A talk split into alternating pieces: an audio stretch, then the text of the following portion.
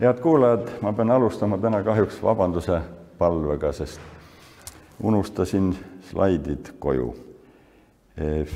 häda on selles, et kui inimesel on liiga palju neid mälupulki, siis lähevad asjad segamini.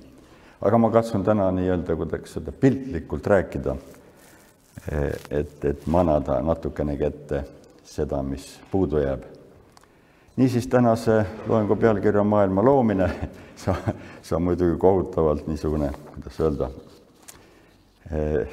liiga palju lubav pealkiri, kuid viimasel ajal on väga moes niisuguste pealkirjade väljamõtlemine, eriti Postimehes viimasel ajal ma olen tähele pannud, eriti see Elu kakskümmend neli, seal on päris väga huvitav. aga alustame siis nii, et tuhande üheksasaja üheksakümne üheksakümnenda aasta oktoobris toimus Davosis, Šveitsis Euroopa astronoomide selline kokkutulek. selle niisugune, kuidas öelda, poliitiline eesmärk oli luua Euroopa Astronoomia Selts vastukaaluks Ameerika omale, kes nagu te teate, need kaks maailmajagu ikka pusklevad kogu aeg. Ja tõepoolest see selts seal loodi ja nagu alati, siis niisugusele loomisel järgneb lõbus keskustelu koos teatud vedelike tarbimisega ja selle käigus sain ma jutule Baseli ülikooli astronoomia instituudi direktoriga, kelle nimi oli Gustav Andreas Tammann. ja niipea, kui ta nägi, et minu rinnas sildil on kirjutatud Estonia, algselt seal ei olnud, sest korraldajad kartsid ilmselt Eesti nime sinna panna aga meie lisasime selle hästi suurte tähtedega, et oleks selge, kust me oleme ja kui Tammann nägi, et, et selle minu sildil on Estonia, astus ta kohe ligi ja ütles, et väga tore, mina olen seotud Eestiga väga tihedalt. no ma tundsin muidugi huvi, et kuidas siis, siis ta teadis, et tema vanaisa oli Tartu Ülikoolis keemiaprofessor ja üleüldse ta arvab, et tema vanaisa on Krahbergi, ühe nendest graafidest, neid oli väga palju, ja ühe toatüdruku vallas laps. ta oli selles äärmiselt kindel, mina ei suutnud teda usku ja ei tahtnudki muidugi tema usku kõigutada. ja siis selles lõbusas vestluses ta küsis lõpuks siis minu käest, et kuidas mul läheb siin selles linnas, ma ütlesin, et kehvasti läheb, et raha on peaaegu otsas. ja siis ta ütles, sellele probleemile leiab väga lihtsa lihtsa niisuguse paranduse, võttis kohe paberi ja kirjutas sinna vaba käega, et eh, Baseli ülikooli astronoomia instituut eh, annab mulle või laenab mulle eh, teatud summa, see summa on mul isegi meelest läinud, aga see oli kaunis suur, ja et tagasi maksta ei ole vajagi. Ja ma, ma siis tegin sellise näo, et noh, mis te nüüd, eks ole, kuidas siis niimoodi ja ja siis ta ütles, et ei ole vaja üldse midagi mõelda siin, sellepärast et et nendel jääb alati aasta lõpus summad üle ja nad ei tea, mis nendega teha. ja nüüd leidus siin üks inimene, kellel tõesti vaja on ja ja edasi ma võisin muidugi majanduslikele probleemidele vilistada. hiljuti ma sattusin tema artiklile, mis ei ole küll väga värske, aga väga hästi kirjutatud ja siis mõtlesin, et miks mitte kasutada seda, seda enam, et ta see toatüdruku järeltulija on. ja, ja teile see artikli sisu niis, niisugusel lihtsal kujul, nagu ta kirjutatud oligi, ka ette kanda. ja veel tahtsin ma lisada, et, et Eestis on üks haruldaselt hea Tammannite suguvõsa tundja ja see on Hannes Tammet, füüsik Eh, ilmselt siis Tammet ja Tammann on kuidagi võib-olla seal nii mingisugune sugulus ka võib-olla. aga igatahes tema on teinud äärmiselt põhjaliku uurimistöö. ma ei ole küll ta käest uurinud, kui kaugele ta sellega jõudis, aga, aga igatahes eh, nii see on. Nonii, alustame siis sellest, et, et kogu aeg ju räägitakse, et see universum paisub. aga siis tekib kohe küsimus, et kuskohast need astronoomid seda teavad, mismoodi nad selle on teada saanud ja, ja vaatame nüüd siis lähemalt, kuidas see tõepoolest käis. see asi algas tegelikult juba üsna ammu, tuhande üheksasaja kaheteistkümnendal aastal, kui üks Ameerika astronoom Schleifer tegi esimesed spektrid niinimetatud udukogudest. Need udukogud ei olnud muidugi mingid udukogud, vaid need, mida konkreetselt Schleifer vaatas ja spektreid tegi, olid eh, kauged galaktikad. aga udukogude nimest said nad lihtsalt sellepärast, et alguses teleskoobid olid kehvad ja, ja selle korraliku galaktika pildi asemel näitasid tõepoolest udukogu, nii et ka Andromeeda udukogust räägitakse ju. ja võib-olla on teie hulgas inimesi, kes on lugenud kuulsat Ivan Jefremovi raamatut Andromeeda udukogu. See tõlgiti omal ajal ka eesti keelde, see oli vist esimene ulmekas, mida mina lugesin oma elus. pärast järgnes neid üsna mitu.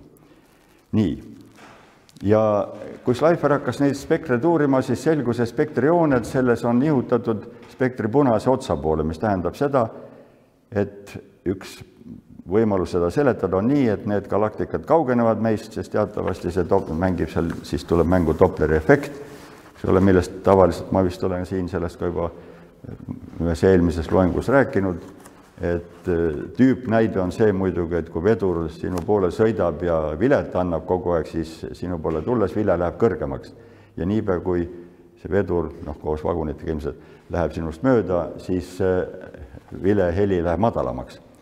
nii et nagu see, nagu siis ära minnes venitab see rong selle helilaine niimoodi pikemaks ja, ja, ja lained, lained lähevad ka pikemaks seetõttu. no see on väga niisugune, kuidas öelda, väga piltlik selgitus. Nonii, ja need, need kiirused, mis välja tulid sellest arvestades Dopleri efekti, valem on ilusasti ju teada, ja, ja kaugenemiskiirus ka sai mõõdetud siis nende spektrioonte nihkumise kaudu ja, ja see oli väga suur, ikka kohe tuhanded kilomeetrid sekundis. tavaliselt tähtede omavahelised liikumiskiirused on seal noh, kuni kümme, paarkümmend, võib-olla rohkem kilomeetrit sekundis. nii et need kaugenemiskiirused olid esialgu astronoomidele täiesti arusaamatud ja püüti seda mõistatust kaunis, kaunis kaua lahendada, lõpuks oli Edwin Hubble see, kes sellele lahenduse välja pakkus, nimelt ta ütles, et need galaktikad kaugenevad meist ja udukogud ei ole midagi muud, kui need galaktikad ongi. Ja tavaliselt nendel galaktikatel on veel see M-täht ees, näiteks M kolmkümmend üks on seesama kuulus Andromeda, millest ma rääkisin, meie naaber siin lähedal, kes meile läheneb tohutu suure kiirusega ja mõne miljoni või, või rohkemate miljonite aastate pärast saab meiega kokku. ja, ja siis oli üks Prantsuse astronoom, Messier oli tema nimi ja tema otsustas teha, see oli tükk aega tagasi ikka, otsustas teha kataloogi nendest sellistest udustest objektidest taevas ja pani siis kõikidele nendele numbrid juurde, nii et see M seal ees, M kolmkümmend üks, M tähendab siis Messier'd, eks ole, selle kataloogi tegija nime. Nonii, ja tuhande üheksasaja kahekümne üheksandal aastal Hubble leidis, et need, nende galaktikate kaugenemiskiirus on võrdeline nende kaugusega, tähendab, mida kaugemal nad on, seda kiiremini nad meist kaugenevad.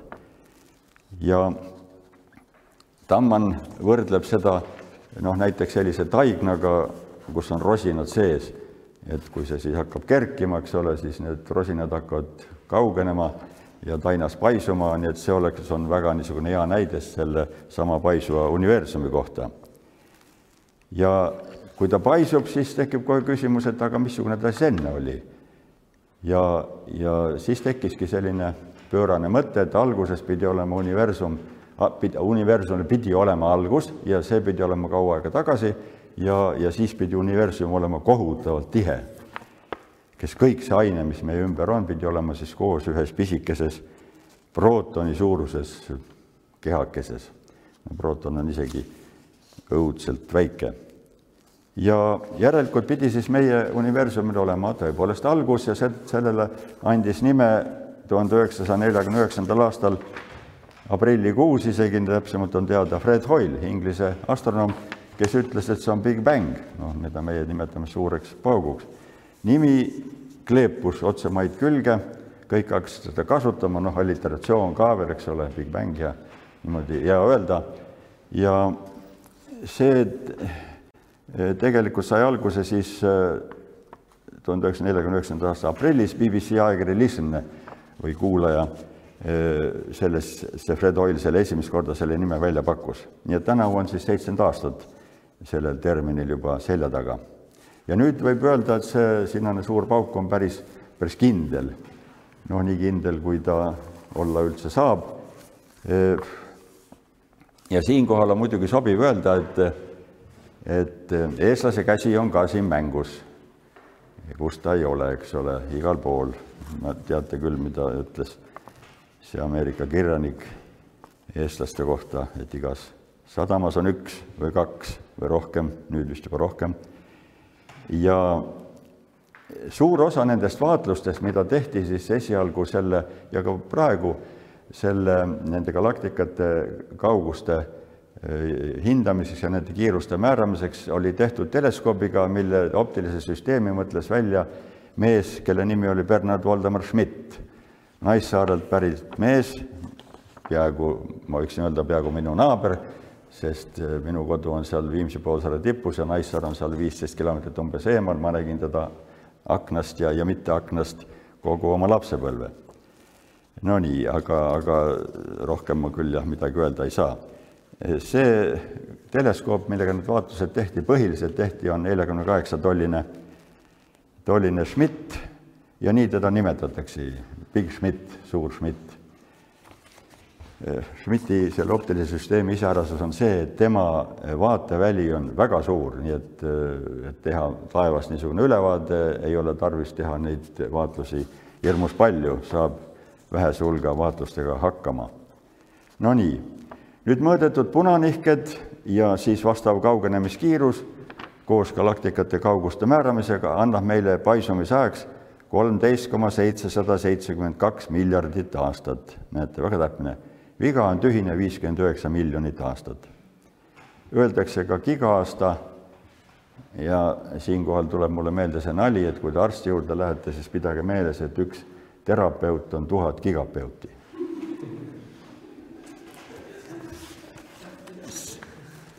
See aeg võib tunduda kohutavalt pikana, aga, aga kui te võtate kas või mõni kivitüki, parem kui ta on Gröönimaalt pärit enda kätte, siis see on vanem kui pool universumi iga, nii et äh, polegi nagu nii palju, eks ole.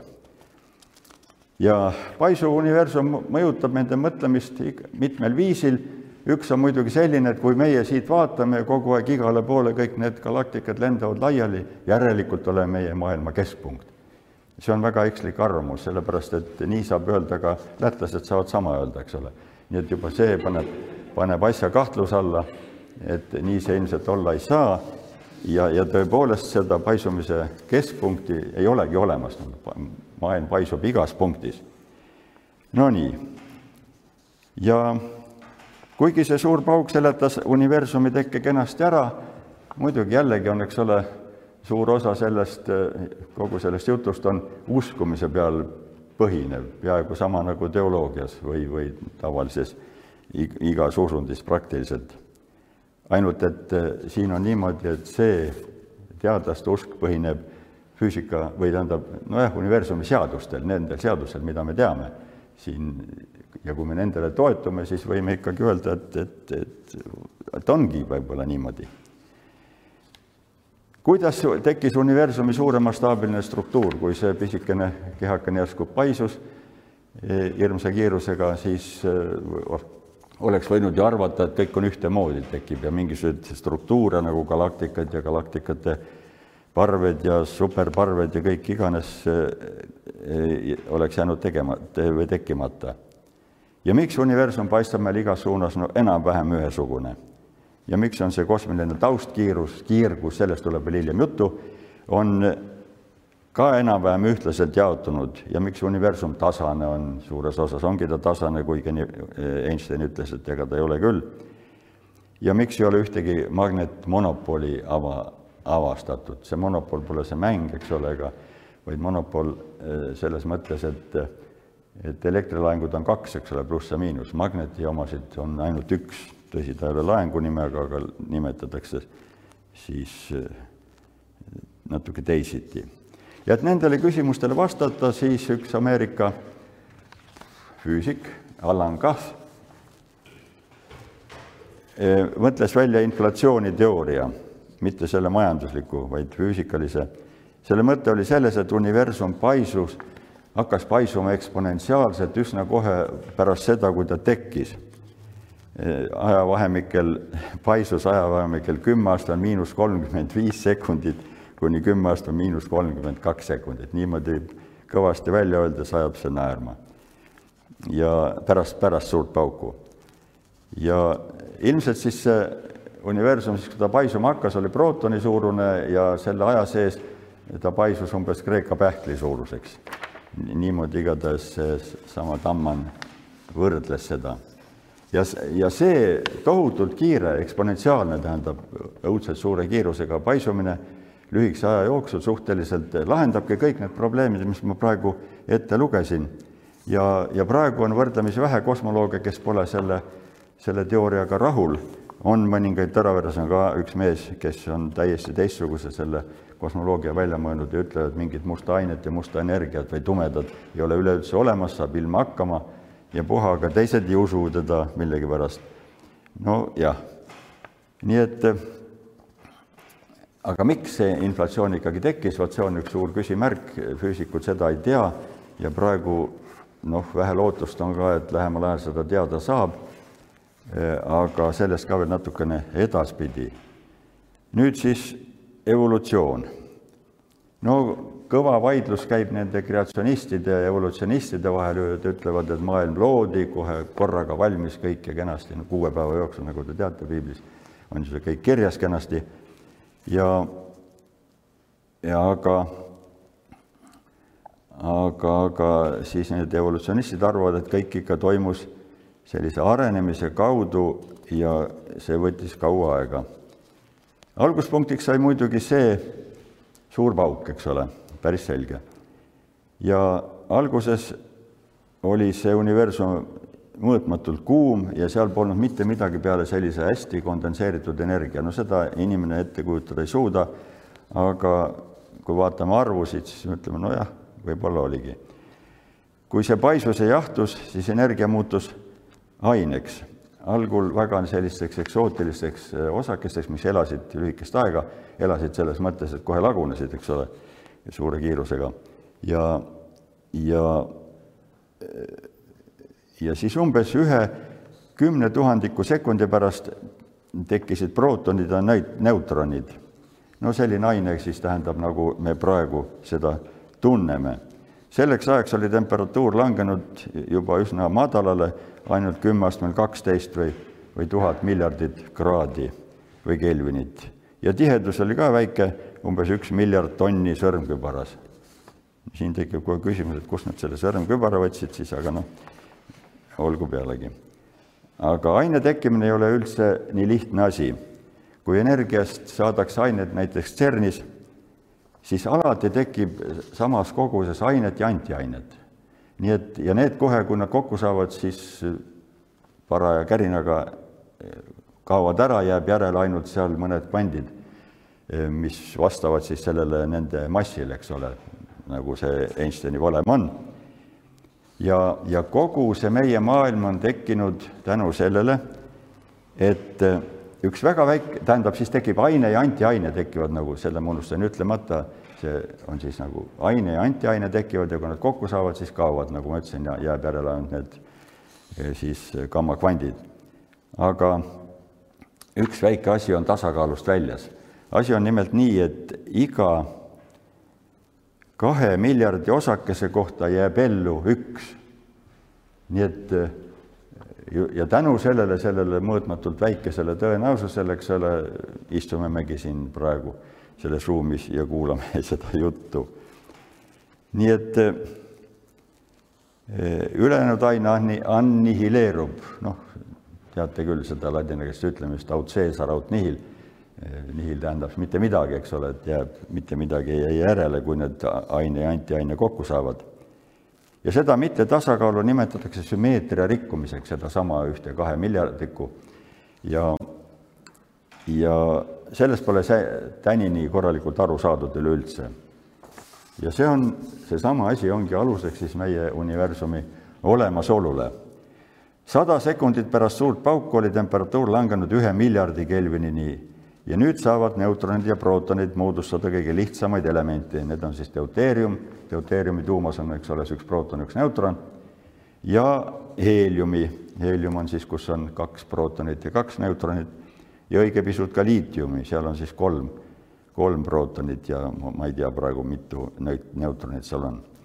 ja enamus prootoneid jäid sõltumatuteks ega rekombineerinud vesinikuaatomiteks üldse, sest liiga kuum oli. vesinik ise tähendab selline vesinik, kus on siis prooton ja neutron tuumas, tekkida ei saanud, ta oleks lagunenud ka kohe samal, samal hetkel.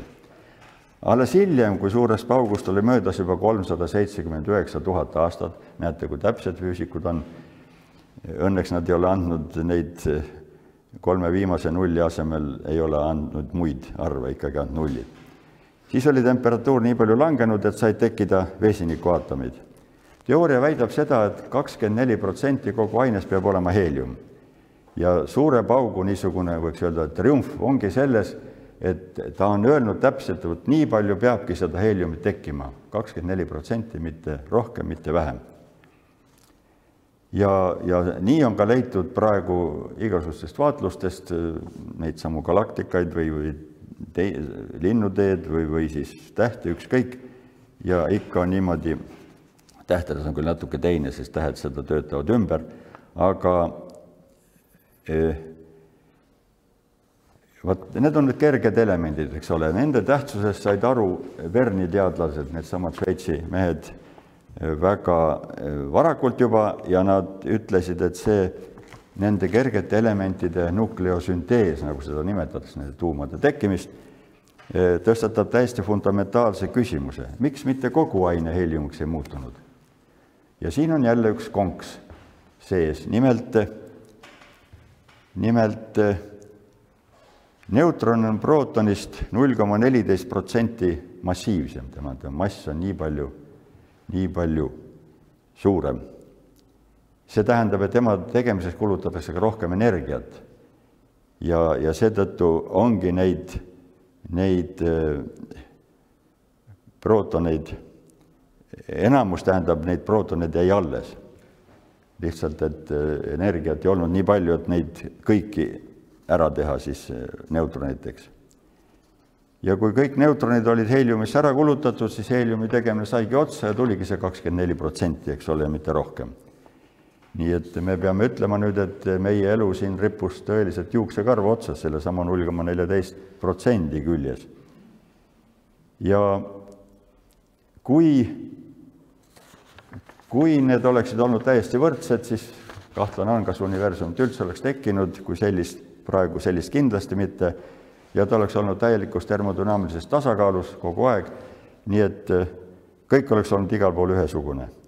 ja paisuv universum oleks lihtsalt paisunud ja jahtunud ja kõik. ja midagi poleks huvitavat poleks üleüldse juhtunudki, kuid läks teisiti. Universum otsustas tekitada struktuurid, need on siis need regioonid, kus ainet oli rohkem kui mujal. No seal, kus rohkem oli, siis gravitatsioon haaras muidugi võimu enda kätte, hakkas neid kõiki kokku tõmbama enda poole. Ja õnneks, kui need suured klombid, aineklombid hakkasid kokku tõmbuma, siis tekkis ka pöörlemisest, alati oli mingisugune väikene selline liikumine oli selles, selle klombi väliskihtides olemas ja kui seda kokku pressis gravitatsioon, siis, siis läks see pöörlemine ka kiiremaks. teate küll neid füüsikakatseid, kui pannakse sinna, noh, iluuisutaja kõige, kõige parem näide on, kui ta neid teeb neid pöördeid, siis algul on käed laiali, siis on pöörlemine võrdlemisi aeglane, aga kui ta tõmbab nad niimoodi kokku, siis hakkab hirmsa kiirusega pöörlema. sama juhtus ka siis nende klompidega. nii, ja nii oligi need igasugused individuaalsed pilvekesed veel siis, mis sisaldasid ainet ainult seal ütleme tuhandetes päikesemassides, jätkasid kokkutõmbumist ja moodustusid tähed. tähtede tekkimine käib ka praegu veel, aga ta saab, ta saab tekkida ainult nendes galaktikates, kus on veel gaasi, mis kokku tõmbuda saab tähtedeks. paljudes galaktikates, mis on juba nagu teise ringi galaktikad, tähendab, ühe korra on nad juba tähti teinud tähed on plahvatanud ja laiali lennanud ja nüüd sellest vähesest gaasist, mis järele jäi, on tekkinud järgmised ja, ja kui siis need, see ka otsa saab, siis, siis polegi enam uusi tähti, enam ei teki. aga meil pole vaja muretseda, meie linnude ees on seda gaasi veel küll ja ka tähtede tekkimine toimub kogu aeg.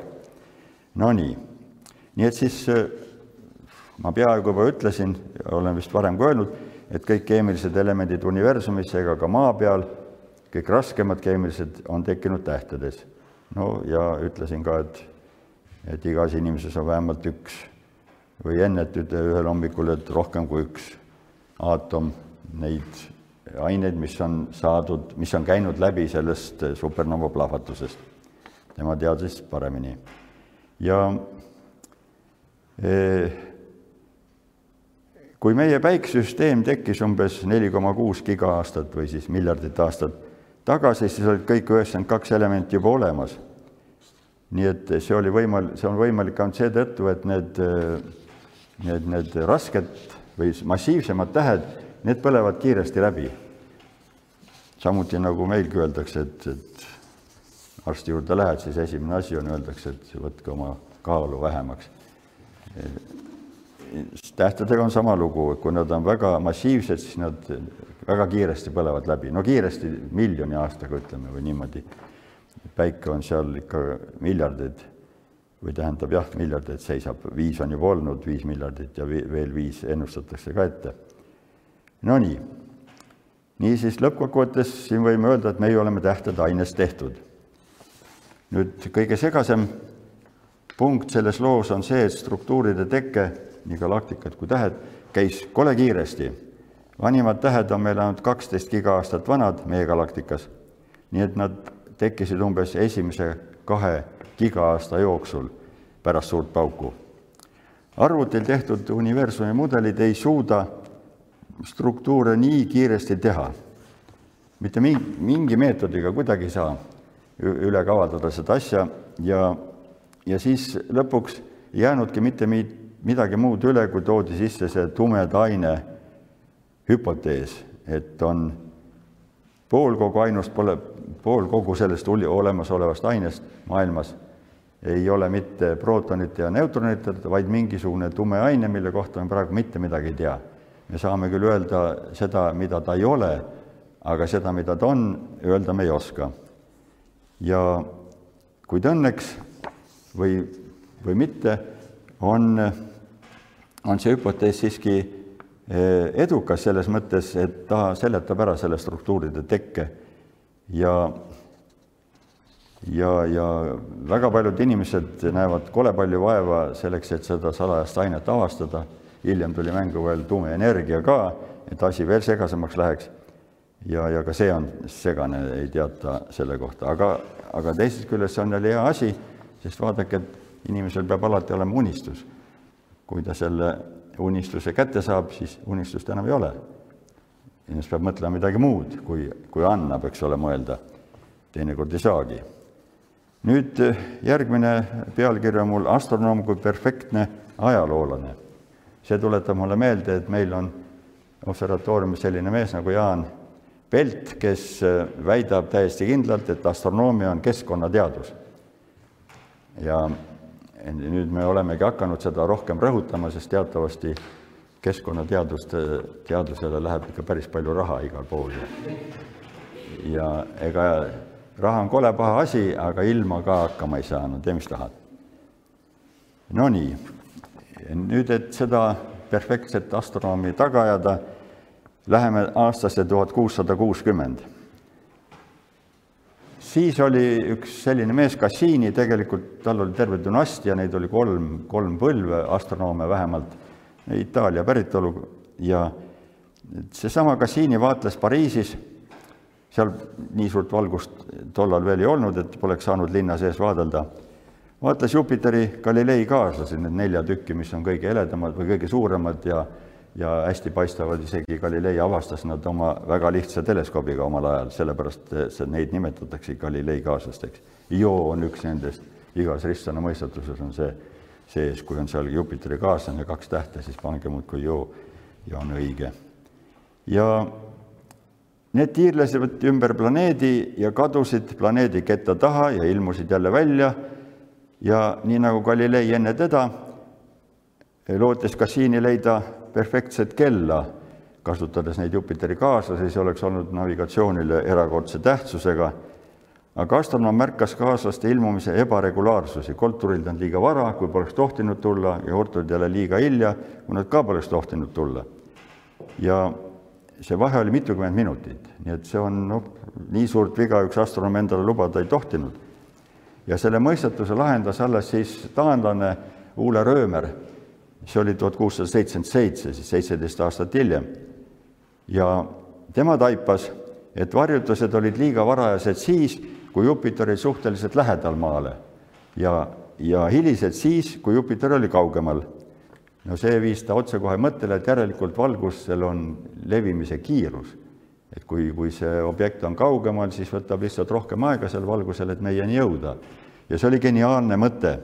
See oli aastatuhande kõige fundamentaalsem mõte, võiks öelda, et valguse kiirus on lõplik. selle ajani oli arvatud, et valgus, valguse kiirus on lõpmatu. tänapäeval me teame, et valguse kiirus on noh, umbes kolmsada tuhat kilomeetrit sekundis ta on nüüd defineeritud, tähendab, teda enam ei mõe-, mõõdeta. tema on raudselt kirja pandud, ta on natuke vähem tõesti kui see kolmsada tuhat, ja kõiki teisi ühikuid siis kohandatakse tema järgi. nii et valguse kiirus on siis A ja O. ja see on kõige suurem kiirus universumis üleüldse, suuremat kiirust enam olla ei saa, vähemalt ei saa olla massita osakestel ja footonid on need valgusosakesed on massi, ilma massita, seisumassita. nii, mis tahes seisumassiga osake peab liikuma palju aeglasemalt kui valguse kiirus. üldiselt inimese jaoks on valguse kiirus tõepoolest lõpmatu, eks ole. Ja ka selle kohta oli mingi anekdoot, aga mul ei tule meelde praegu. ja kuid kosmiliste vahemaade jaoks on see kiirus ikkagi suhteliselt väike, sest päikeselt tuleb valgus meieni juba rohkem kui kaheksa minutit. nii Plutoni läheb valgus neli tundi, siis eh, kümme tuhat aastat läheb linnutee kaugeima täheni ja paar miljonit aastat läheb meie lähima galaktikani, Andromedani kõige kaugema galaktikani läheb aega rohkem kui kümme miljardit aastat, see hakkab juba selle universumi vanuseni välja jõudma. see tähendab, et meil ei ole samaaegset pilti universumist, eks ole, iga objekt, kui ta on hakanud kiirgama, saadab välja mingil hetkel selle informatsiooni enda kohta, see jõuab teatud aja pärast meile, see objekt, mis on kaugemal, eks ole, kuigi ka samal hetkel võib hakata kiirgama, eks ole, kui see lähem objekt, aga valgus jõuab ikkagi hiljem meieni. nii et me saame nagu mingisuguse, mingisuguse kinofilmi, eks ole, sellest eh, universumi objektide arengust. ja eh, kui me vaatame neid kaugeid galaktikaid, siis tähendab seda, et me uurime nende noorusaega, eks ole, mitte, mitte seda, mida nad praegu teevad nii et eh, niimoodi saab nagu seda galaktikate evolutsiooni ka uurida, kui vaatame sama tüüpi galaktikat, eks ole, erinevatel, erinevatel kaugustel, siis me võime saada niisuguse pildi ka sellest, kuidas nad arenevad. ja see astronoomide võime minevikku vaadata, see ei ole mitte ilma tasuta.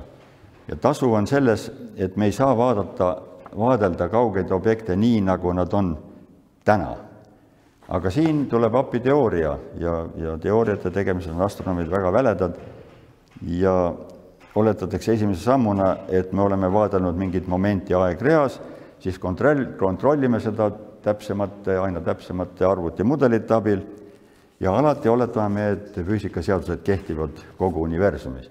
siiani nagu pole juhtunud veel seda, et oleksime kahtlema hakanud, mõned, mõned on küll kahelnud, jah aga, aga nad ikkagi, eh, teised ei taha uskuda seda. nii, nii et eh, kui me vaatame väga palju kaugemale, siis ega me väga palju rohkem galaktikaid ei näe, sellepärast me hakkame jõudma juba sellesse aega, kui galaktikad polnud veel päris tekkinudki või tekkisid, alles hakkasid tekkima. nii et seda on eh, huvitav ette kujutada endale, tavaliselt ju seda nagu selle peale ei mõtle, palju muid asju, mille peale tuleb elus mõelda ja me jõuame siis selle vaatlemisega sellesse aega, kui struktuure tegelikult polnudki, oli, tähti polnud, need polnud veel süttinud ja universum oli pime. ja paistab praegu, et me olemegi peaaegu sinna juba jõudnud, kasutades neid moodsaid teleskoope, moodsad arvutusvahendid ja nii edasi. aga on olemas siiski üks, üks nähtus või kuidas seda nimetada, e, varasem kiirguse allikas, mida me näeme ka praegu. see tuleb ajast umbes viissada tuhat aastat pärast suurt pauku, kui kogu universum oli ürgne tulekera temperatuuril umbes kolm tuhat kelvinit, noh, päris jahe, kui vaadata neid eelmisi temperatuure, eks ole sellel temperatuuril muutus universum esmakordselt läbipaistvaks, enne oli neid vabu elektrone nii palju, et need ei lasknud valgust läbigi. aga siis, kui universum paisus, läks hõredamaks, siis hakkas juba kiirgus levima, kiirgus pääses vabaks, nagu füüsikud ütlevad. ja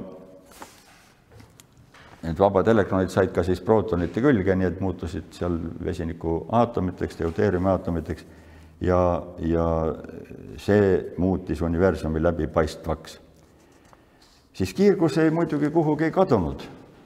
tema jäi äh, täitma seda universumit siiamaani ja täidab tõepoolest siiamaani. Kuid universum on tohutult palju paisunud, järelikult peab olema selle, selle, selle valguse või selle kiirguse, mis siis vanasti tekkis, selle lainepikkus peab olema tohutult palju pikem.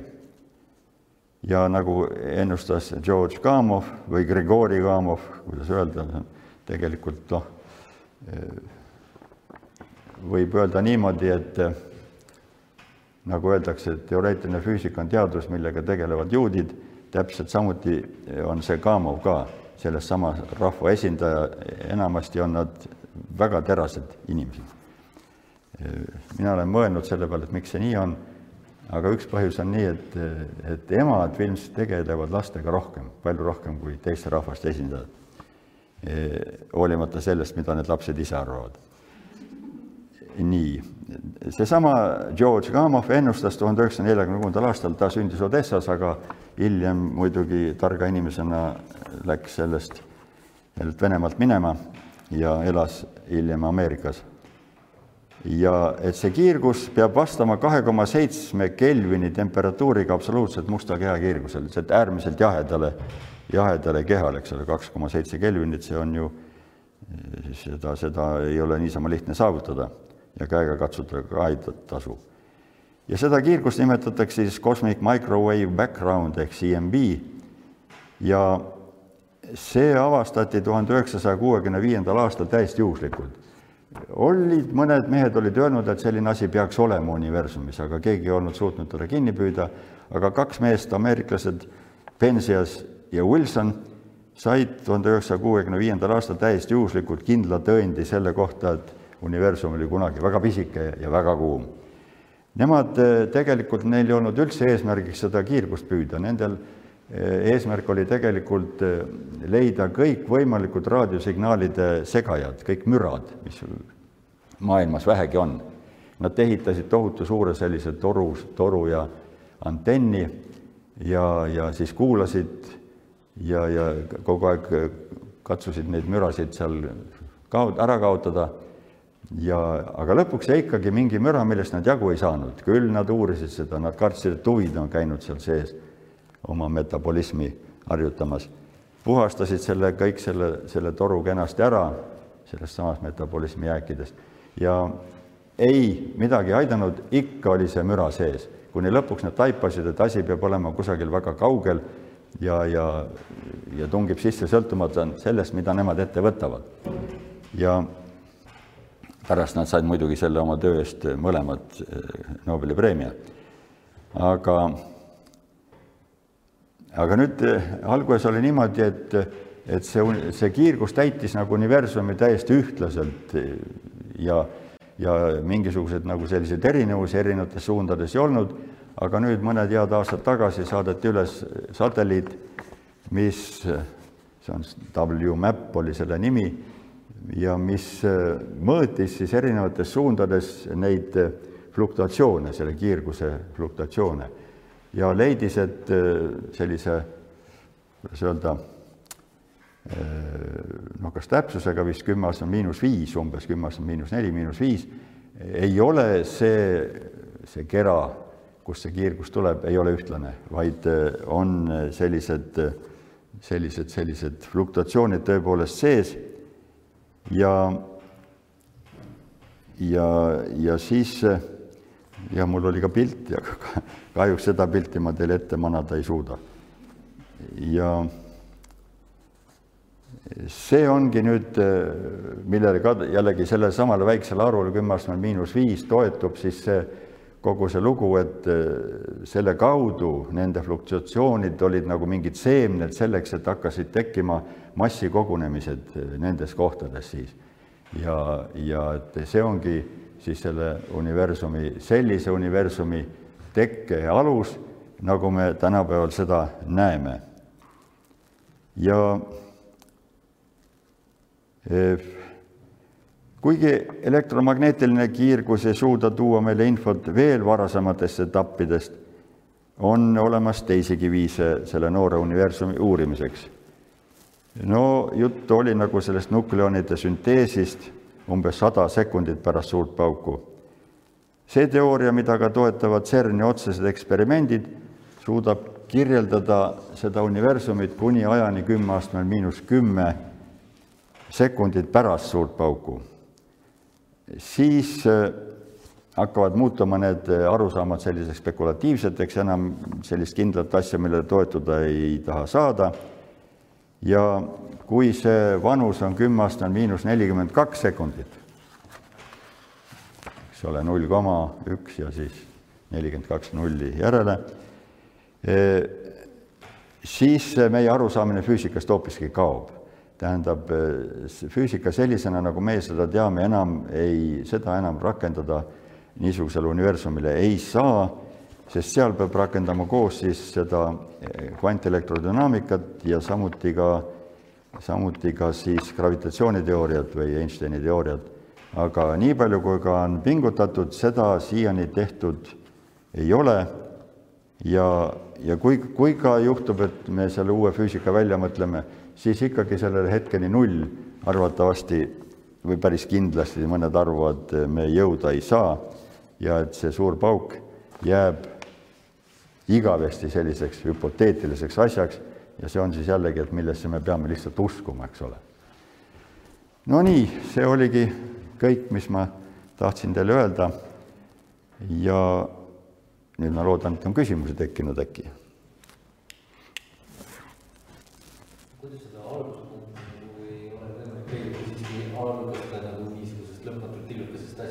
jah, et milline ta seal oli, noh, on, teooriaid on muidugi, sel, seda öelda ei saa, et et äkki on selle, nende mustade aukudega siis sellesama suure paugu kaudu on siis eh, mingisugune pääs kuhugi teise universumisse, mis võib olla siinsamas kusagil, eks ole, aga me ei saa teda tunda, katsuda ega näha. Eh, see on ka üks jah, teooria, et üks eh, Vene kosmoloog Andrei Linde on selle välja mõelnud, tõsi, teisi ka muidugi, on sellega tegelenud, et kui see universum tekkis, siis tekkis mitmeid universumeid, nii et nagu pungusid niimoodi üksteisest ja tekkis tohutu hulk neid ja ja keegi ei suuda neid kokku lugeda ja nad eksisteerivad siin kusagil võib-olla teistes mõõtmetes ja, ja noh, jah, aga keegi ei suuda seda ju tõestada, ka mingit eksperimenti teha, et neid kinni püüda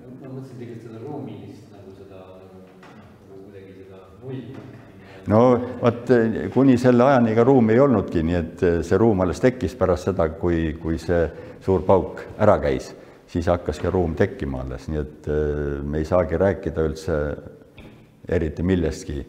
selle koha pealt on füüsikud kole kavalad, nad oskavad seda nii ära peita, et nad ütlevad, et ei ole võimalik see lihtsalt. ja, ja, ja tõepoolest nii ta ongi, meie teadmised lihtsalt ei ole veel nii suured, et me võiksime mida, midagi tarka öelda selle kohta, mis varem oli. no räägitakse veel üks tussiaukudest, eks ole, et et mustade aukude kaudu on võimalik minna kuhugi teise, siinsamas meie ruumis kuhugi teise, teise kohta, noh, needsamad äh, televisiooniseeriad, mis need on, need, tule nimed meelde, aga, aga seal on nende kosmoselaevadega muudkui sõidavad niimoodi, et läheb, läheb, läheb, järsku käib üks välgatus ja laeva enam ei ole, eks ole, ta läks kuhugi teise ruumi dimensiooni kaudu kuhugi mujale. nii et võib-olla oli sinna kohutavalt pikk tee, aga nemad kasutasid otseminekut. Need on küll, nõuavad kohutavat energiat ja siiani on isegi neid teooriaid nende ussiaukude kohta, aga esialgu on küll see, et ükski inimene sealt läbi ei pääse, ilma et ta ära sureks. aga, aga jah, ei tea, eks näe, mis, mis, mida füüsikud veel ja, ja kosmoloogid veel ütlevad meile. aga asi on huvitav, jah kas ma sain õigesti aru, et siis äh, selle inflatsiooni käigus aine muudkui hõrenes jah, ja millal see aine hõrenemine lõppes?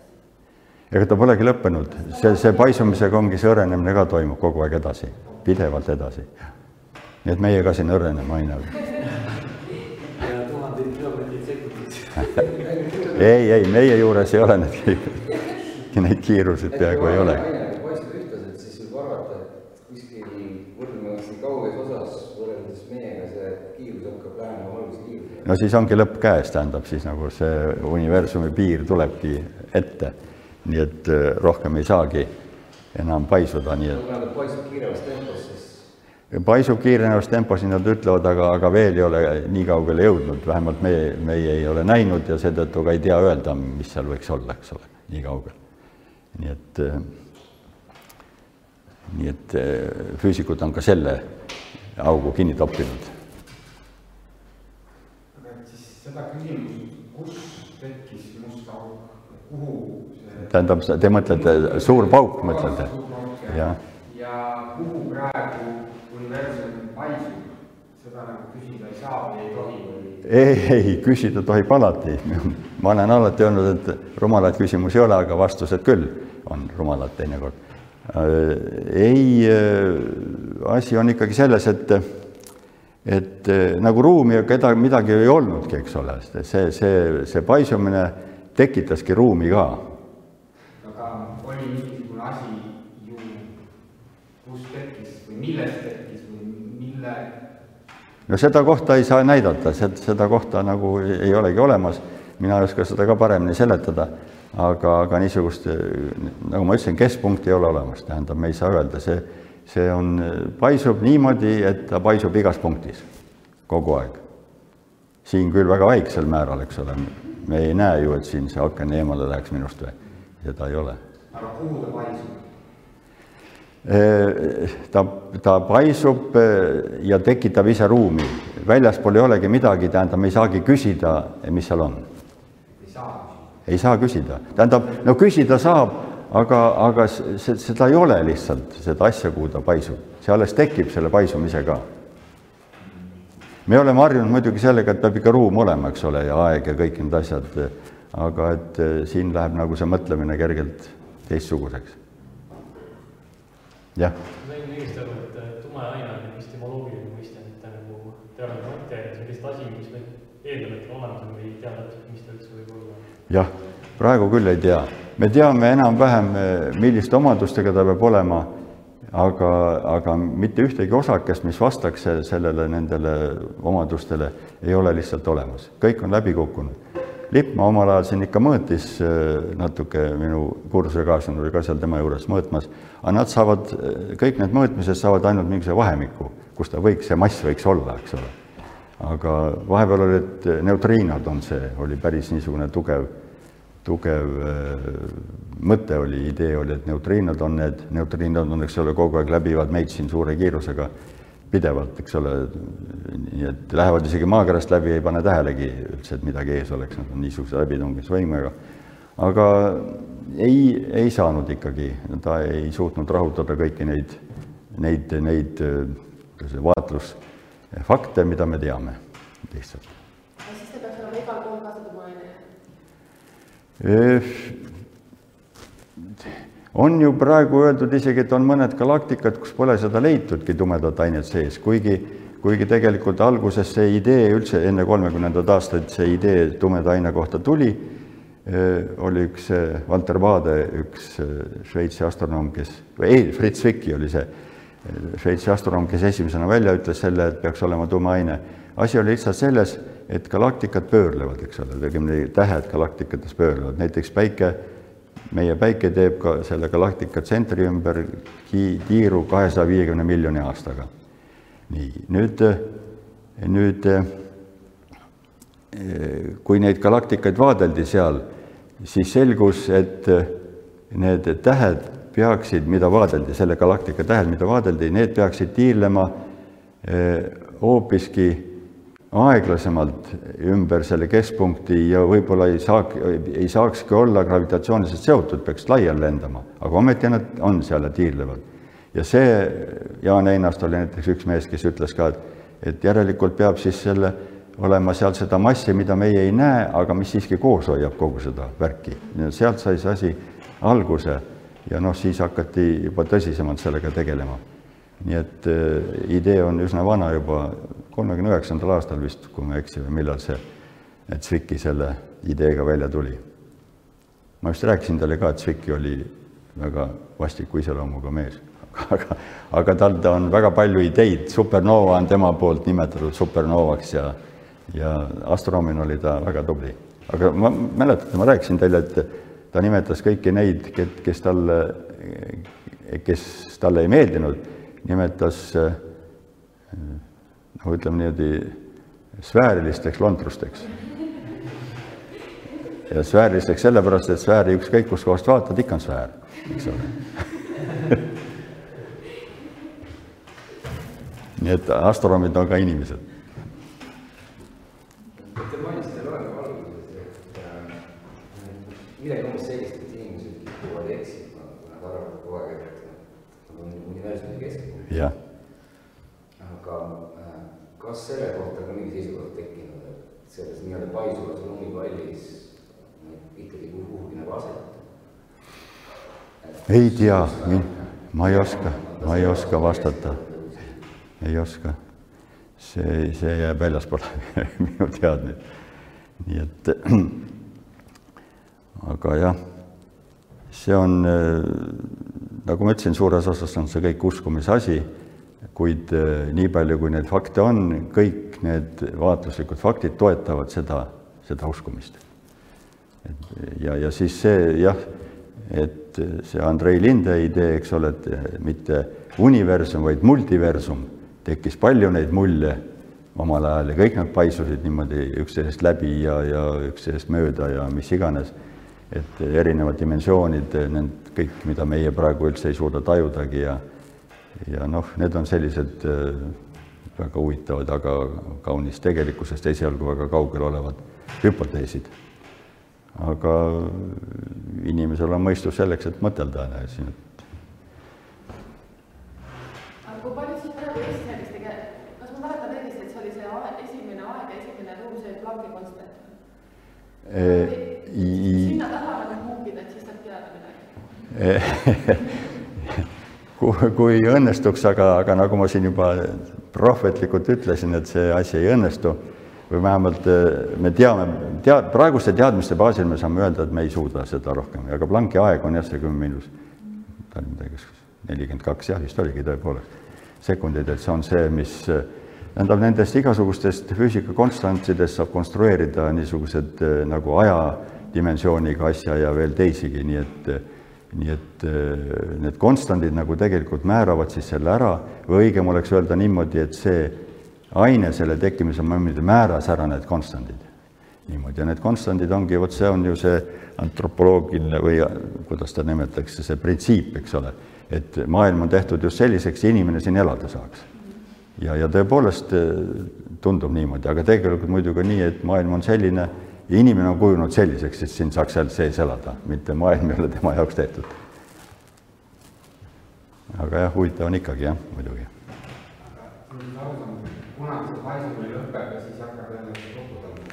no oli omal ajal selline arvamus ja isegi praegu uuesti kiputakse sinnasama hakka, hakkama arvama seda, et hakkab toimuma nagu niisugune pulseerumine kogu aeg, eks ole. Aga praegu on küll selline nendest igasugustest eksperimentidest järgneb, et maailm muudkui paisub, paisub, aina õreneb, õreneb ja, ja kõik ei käi kuku, kuhugi kokku, vaid hajub laiali lihtsalt. seda, seda mehed ei ütle. võib-olla teavad, aga ei ütle. Nii et praegu on tõesti ainult see, et ta läheb ja muudkui õreneb, õreneb, õreneb ja lõpuks kaob kõik, tähed kustuvad ja kõik. aga, see ei toimu homme ja ülehomme ka mitte. aga muudel asjadel siis ei ole sedasama omadust. no ütleme, jah, need äh, galaktika nagu kaugenevad, selle asjad järjest paisuvad ära, aga Jah. ja galaktikad ise ka õrenevad, eks ole, jah, kõik asjad siin sees ka, et tõesti see küsimus, et kas meie ka. Siin on see nii tühine, tähendab meie, jah, vist toimub, ma ma ise küll ei tunne.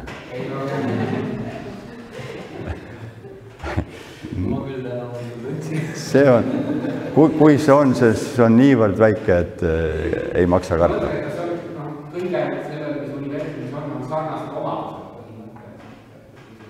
paisumine toimub, siis see toimub põhimõtteliselt kõiges. Igal pool jah, jah, täpselt niimoodi, iga, igas punktis, aga ainult, et, et siin konkreetselt on ta väga-väga väike, nii et jah, pea ümbermõõt on ikka sama näiteks kogu aeg.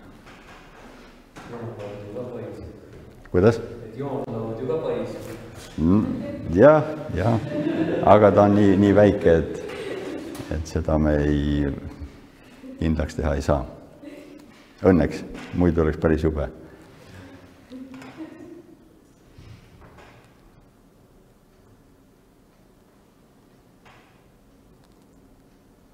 Nii, tundub, et kõik on selge. mul endal küll ei ole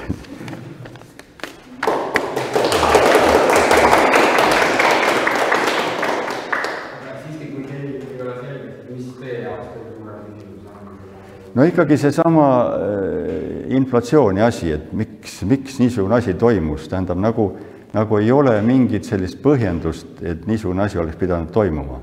Aga samas võib jälle küsida ka, et miks universum tekkis, samuti ei ole mingit füüsikalist põhjendust, et ta oleks pidanud tekkima tingimata. nii et, aga see, see universumi asi nii palju ei huvita, aga, aga huvitab ikkagi see, et miks see inflatsioon toimus see, et ta majanduses toimub, noh jah, see on selge. kõik tahavad rohkem raha saada ja ongi inflatsioon. aga kas seal midagi tekkis siis see hetk, et kui pidid alguses kõik need imeasjad olid paigas, siis pärast juba kõik iseenesest läks loogiliselt? Jah, siis ta läks nagu iseenesest füüsikaseaduste alusel ja, ja muudkui läks ja, ja advokaate ka ei olnud, kes oleks selle, need alused võib-olla ümber mõelnud. ja, ja siis eh, nii ta läkski. vähemalt praegu, eh, nagu ma ütlesin, et see, see, mis ma praegu teile rääkisin, et see toetub kõik füüsikalistele faktidele, välja arvatud muidugi seesama universumi tekkimine ise, selles, seda niisama seletada ei saa. aga et, aga, aga kõik need vaatluslikud faktid ja kõik füüsikateooriad, kõik sobivad sellesse asja sisse niimoodi, et nad ei, nad ei hakka vastu rääkima Te- teooriaid tekib tohutult palju, inimesi, kes vaeva näevad selle kosmoloogia probleemidega, on maailmas palju. ja, ja ära väsivad selle juures, nagu see kogu raamat ütleb. siis äh, aga, aga need jalamaid, need teooriad peavad läbima vaatlusliku kontrolli, eks ole. ja kohe leitakse, see teooria ei sobi niisuguse asjaga, see teise asjaga, see kolmandaga ja edasi lähevad ainult need, mis sobivad kõikidega. nii et ja, ja, ja no, neid tuleb siis uskuda, midagi ei jää üle. muud võimalust nagu ei ole.